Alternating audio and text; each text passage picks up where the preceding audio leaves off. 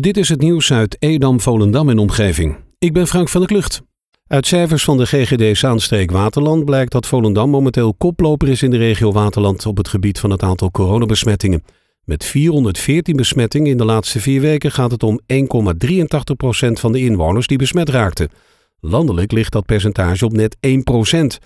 En ook het naastgelegen Edam is het percentage met 1,09% aanzienlijk lager. Veel Volendammers vinden de coronamaatregelen overdreven. De inwoners laten zich dan ook pas testen wanneer ze serieuze klachten hebben. Die lage testbereidheid heeft wel tot gevolg dat alleen mensen met serieuze klachten naar de testraad van de GGD gaan. En daarbij blijkt een kwart van de onderzochte inwoners positief te testen. Elders is dat 10 tot 15 procent. Sinds 13 november voert het bedrijf Mos Grondmechanica geotechnisch onderzoek uit op verschillende locaties in het centrum van Volendam. Er vinden sonderingen plaats waarmee het draagvermogen van de grond bepaald wordt. Op de meeste locaties ondervindt het verkeer lichte hinder van de werkzaamheden. Op donderdag 26 november en vrijdag 27 november dient vanwege de smalle wegbreedte wel de weg in zijn geheel afgesloten te worden. Dit gebeurt aan de hand van beboording en verkeersregelaars. De werkzaamheden op de dijk vinden plaats in de middag, zodat laat- en losverkeer niet gehinderd wordt. Het is inmiddels vier maanden geleden dat Kevin Visser, aanvoerder van FC Volendam, op de training ernstig geblesseerd raakt aan zijn knie. En hoewel de revalidatie goed verloopt, houdt hij rekening mee dat hij dit seizoen geen speelminuten meer maakt. Omdat het om een complexe blessure ging, duurde het ook een aantal weken voordat Visser kon worden geopereerd. Inmiddels werkt hij met zijn vaste fysiotherapeut, Leon Braunstal, in Den Haag aan zijn revalidatie. Morgenavond worden er werkzaamheden uitgevoerd aan de Beemsterbrug in Purmerend. Hierdoor staat de brug van half acht tot uiterlijk vijf uur open en is deze voor verkeer niet toegankelijk. Het verkeer wordt omgeleid. De oplegpunten van de Beemsterbrug zijn versleten. Hierdoor klappert de brug als er verkeer overheen rijdt. Daarom vervangen ze die nacht alle drie de oplegpunten. Ze hopen dat hiermee het klapperen vergoed volop is. Men probeert de overlast zoveel mogelijk te beperken, maar er kan enige geluidsoverlast zijn maar er kan enige geluidsoverlast zijn. Op 1 juli is de nieuwe donorwet ingegaan. Alle mensen van 18 jaar en ouder die ingeschreven zijn in een Nederlandse gemeente komen dan in het donorregister. Je kan jezelf aangeven of je wel of geen donor wilt worden. De nieuwe donorregistratie brengt veel vragen met zich mee en de bibliotheek wil graag helpen.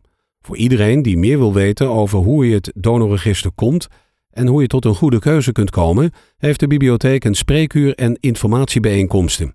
Vanavond tussen 8 en 9 is er een bijeenkomst in de bibliotheek Edam.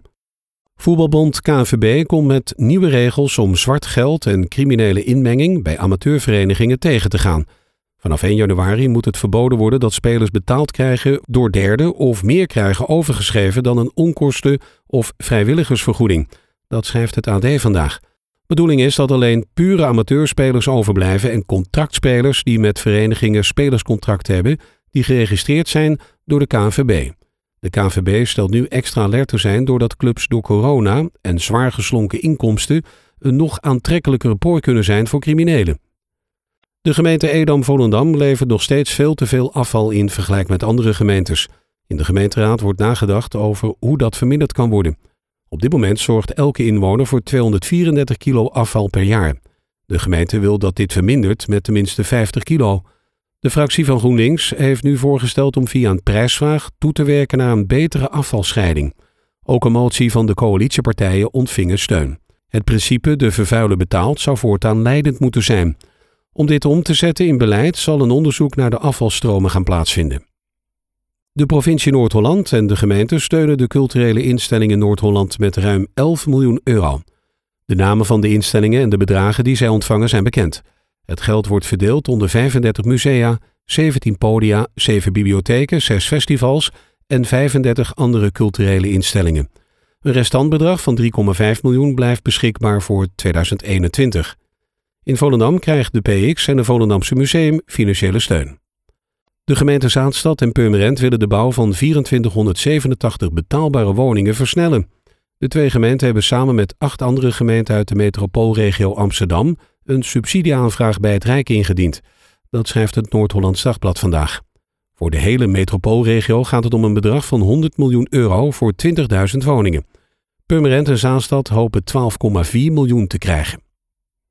Tot zover het nieuws uit Edam, Volendam en omgeving. Meer lokaal nieuws vindt u op de Love Kabelkrant, onze website of in de app.